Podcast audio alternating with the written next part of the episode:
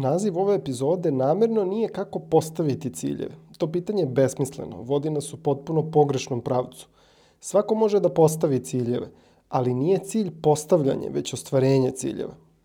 Upravo razlog zašto većina ljudi i biznisa ne ostvaruje svoje ciljeve zato što ih realizuju na potpuno pogrešan način.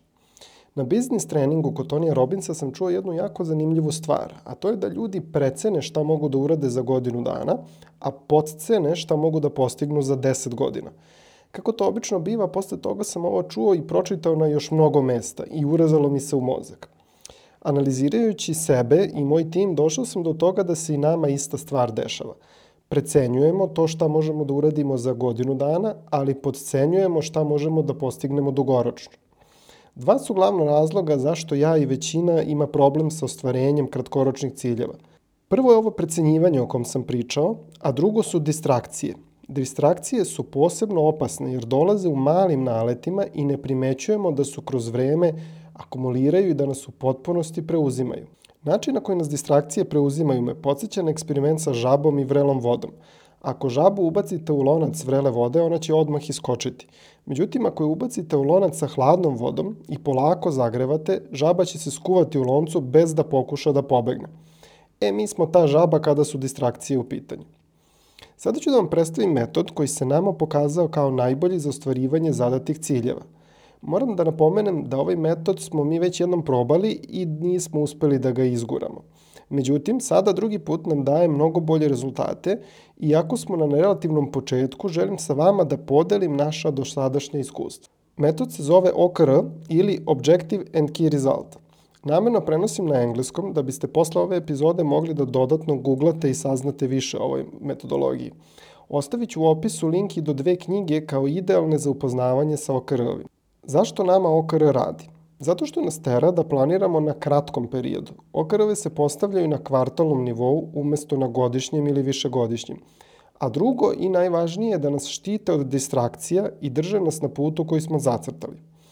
OKR se sastoji od jednog objektiva ili cilja i 3 do 5 ključnih rezultata koji će uticati na ostvarenje tog cilja. Objektiv deo iz OKR treba da bude inspirativan i motivišući ne treba da bude finansijski ili brojčano merljiv, jer za to služi KR deo iz OKR. Objektiv treba da nam kaže gde želimo da stignemo. Objektiv treba da bude razlog zašto vaši zaposleni ili članovi vašeg tima dolaze na posao. KR, odnosno ključni rezultati, treba da nas dovedu do tog cilja. Oni moraju biti jasno merljivi i opipljivi i postavljaju se tako da na kraju kvartala nedvosmisleno može da se kaže da li smo ostvarili ili ne ključni rezultat. Kako napisati dobar objektiv? Vidjet ćete da je taj proces zapravo dosta težak jer treba u jednoj kratkoj rečenici napisati cilj za ceo kvartal. Često će se dešavati da vam se preklapa kvartalni sa godišnjim ciljem. Cilj postavljajte zajedno sa vašim timom, koristite njihov jezik. Nemojte da bude suvoparan i dosadan. Ovo je isključivo samo za internu upotrebu. Ako treba da sadrži reči kao što su pokidati, izdominirati, idite sa tim treba da bude zabavno i motivišuće i da vaš tim može da se poveže sa tim ciljem. Prvih par puta će vam biti teško da postavite cilj. Biće ili preširok ili preuzak, ali kroz iteracije ćete naći idealnu meru i bit ćete bolji u postavljanju ciljeva. Male i agilne kompanije mogu da imaju jedan objektiv po kvartalu. Veće kompanije i one rigidnije Pritom ovde ne mislim ništa loše, može da bude i da ste u takvoj industriji ili da je prosto takav stil vama više odgovara. Takve firme mogu da imaju jedan godišnji cilj i više manjih kvartalnih. Takođe možete imati jedan isti objektiv kroz više kvartala, ali će se menjati ključni rezultati. Pronađite metod koji vama daje najbolje rezultate i koji vam najviše odgovara – ali držite se suštine. Još jedna stvar koju smo mi naučili na teži način je da ne morate da postavljate cilj za sve što radite u narednom periodu, već za ono na što želite da se fokusirate i šta vam je najvažnije da se dogodi. Evo primjera. Naš objektiv u Masterboxu za ovaj kvartal je dovesti u Hrvatsku najbolju edukaciju iz digitalnog marketinga. To nam je cilj. Da li to znači da ćemo da prestanemo sa aktivnostima u Srbiji? Naravno da ne, ali fokus u ovom kvartalu znamo šta je i nećemo dozvoliti da nam neka nova ideja ili sitna prilika poremeti ono što nam je cilj. Svi u firmi, od financija, marketinga, prodaje do razvoja, znaju šta je cilj i zato, zašto donosimo određene odluke ili odbijamo predloge za ono što nas ne dovodi do tog cilja. Kada neko dođe sa idejom ili predlogom, uključujući i mene istoka, prvo je pitanje kako nam ovo pomaže da ostvarimo cilj za ovaj kvartal. Ako nam direktno pomaže, možemo da razmatramo. Ako ne pomaže, a oduzelo bi vreme i energiju, ne radimo na tome u ovom kvartalu.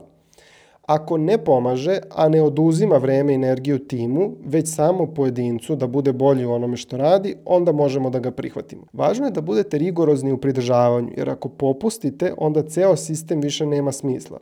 Recimo, programerima je cilj da prilagode front-end masterboxa za hrvatsko tržište i da optimizuju kod za novi broj polaznika. Šta se dešava ako padne srpski sajt dok to rade? Naravno da će da reaguju i ostave ono na čemu rade trenutno. Šta se dešava ako zakaže kartično plaćanje iz bilo kog razloga? Naravno da će da prekinu i poprave ono što ne rade. Ali šta se dešava ako marketing dođe i traži da se napravi novi landing koji će donesti poraz broja upisanih u Srbiji? Ili nova funkcionalnost sajta koja će polaznicima olakšati neki korak. To se ne radi u ovom kvartalu. Koliko god bilo primamljivo, to se ne radi jer nije fokus. Kako se postavljaju KR-ovi, odnosno ključni rezultati? Pomenuli smo da ih može imati 3 do 5. Bolje 3 nego 5, jer manje je uvek više. Ali mi je jasno da nekad ne može. Moraju biti jasno merljivi u brojkama. Recimo, 30% povećanje broja lidova, 20 novih korporativnih klijenata, 10 novih partnera. Mora biti cifra. Nemojte zadati ključni rezultat koji kaže recimo značajno povećanje poziva telefonom. To ne može da se izmeri, jer značajno za mene i za osobu koja zove telefonom nije isto. Cifre su za sve nas iste i nema jedno sam mislio ja, a drugo si mislio ti. Ključne rezultate postavite tako da budu teški za postizanje, ali ne nemogući. Neka budu preko onoga što vam je lagodno. Na skali od 1 do 10, gde je 1 ostvarujemo sigurno bez problema, a 10 je nema ni teorijske šanse da to uradimo, želite da vaš KR bude minimum 5. Timovi u kojima se neuspeh kažnjava i gde kultura nije podržavajuća i otvorena za učenje iz grešaka imaju problem sa ostvarivanjem, odnosno postavljanjem OKR-ova. Članovi timova će se jako truditi da postave samo one ciljeve za koju znaju da mogu da ostvare sigurno, jer će se plašiti posledica – tada nećete imati željeni efekat. Ako postoji ovakav problem, treba prvo rešavati taj problem pa onda implementirati OKR-ove. OKR kao metod nije mehanizam za kontrolu, kažnjavanje i nagrađivanje. OKR je metod za fokus celog tima i postizanje nevrovatnih rezultata. Možete imati osobu koja je vrhunska u ostvarivanju svojih OKR-ova, ali je toksična i umanjuje rezultat i motivaciju drugih zaposlenih. Da li ćete tu osobu nagraditi ili kazniti? Možete imati osobu koja ne ostvaruje svoje okrve, ali čini da ceo tim bude produktivniji i krucijalno doprinosi u nekim drugim poljima. Da li ćete tu osobu kazniti ili promeniti joj ulogu na osnovu novih informacija? Evo primer kako krvovi treba da izgledaju. Gore sam pomenuo da je nama cilj za ovaj kvartal dovesti u Hrvatsku najbolju edukaciju iz digitalnog marketinga. Sada ću dati primere za krove koji su samo ilustracije radi, nemojte ih bukvalno tumačiti. Povećanje kapaciteta platforme za 50% ili povećanje kapaciteta platforme sa 2000 polaznika na 3000 polaznika. 10 novih partnerskih edukativnih organizacija u Hrvatskoj sa kojima možemo da radimo zajedničku promociju. 200 novih polaznika do kraja kvartala. 5 korporativnih klijenata sa prosekom od 20 polaznika po kompaniji. 1000 novih pratilaca na društvenim mrežama i tako dalje. Sada kada znate kako da kreirate OKR-ove, sledeća važna stvar je da budete svesni da se neće desiti sami od sebe. Postavljanje je samo prvi korak. Da bi se OKR desili i da ne ostanu samo lepa ideja, potrebno ih je pratiti na nedeljnom nivou. Ovaj deo smo mi zeznuli prvi put kad smo uvodili OKR-ove i prosto nisu se desili. Failovali smo spektakularno. Nemojte napraviti istu grešku. Takođe, drugi razlog je što smo imali više OKR-ova za jedan kvartal – umanjili smo najvažniju ulogu OKR-ova, a to je fokus. Da se vratim. Redovno praćenje je ono što razlikuje postavljanje od ostvarivanja ciljeva. Da bi pratili napredak OKR-ova, potrebno su vam dva kratka i učinkovita sastanka nedeljno.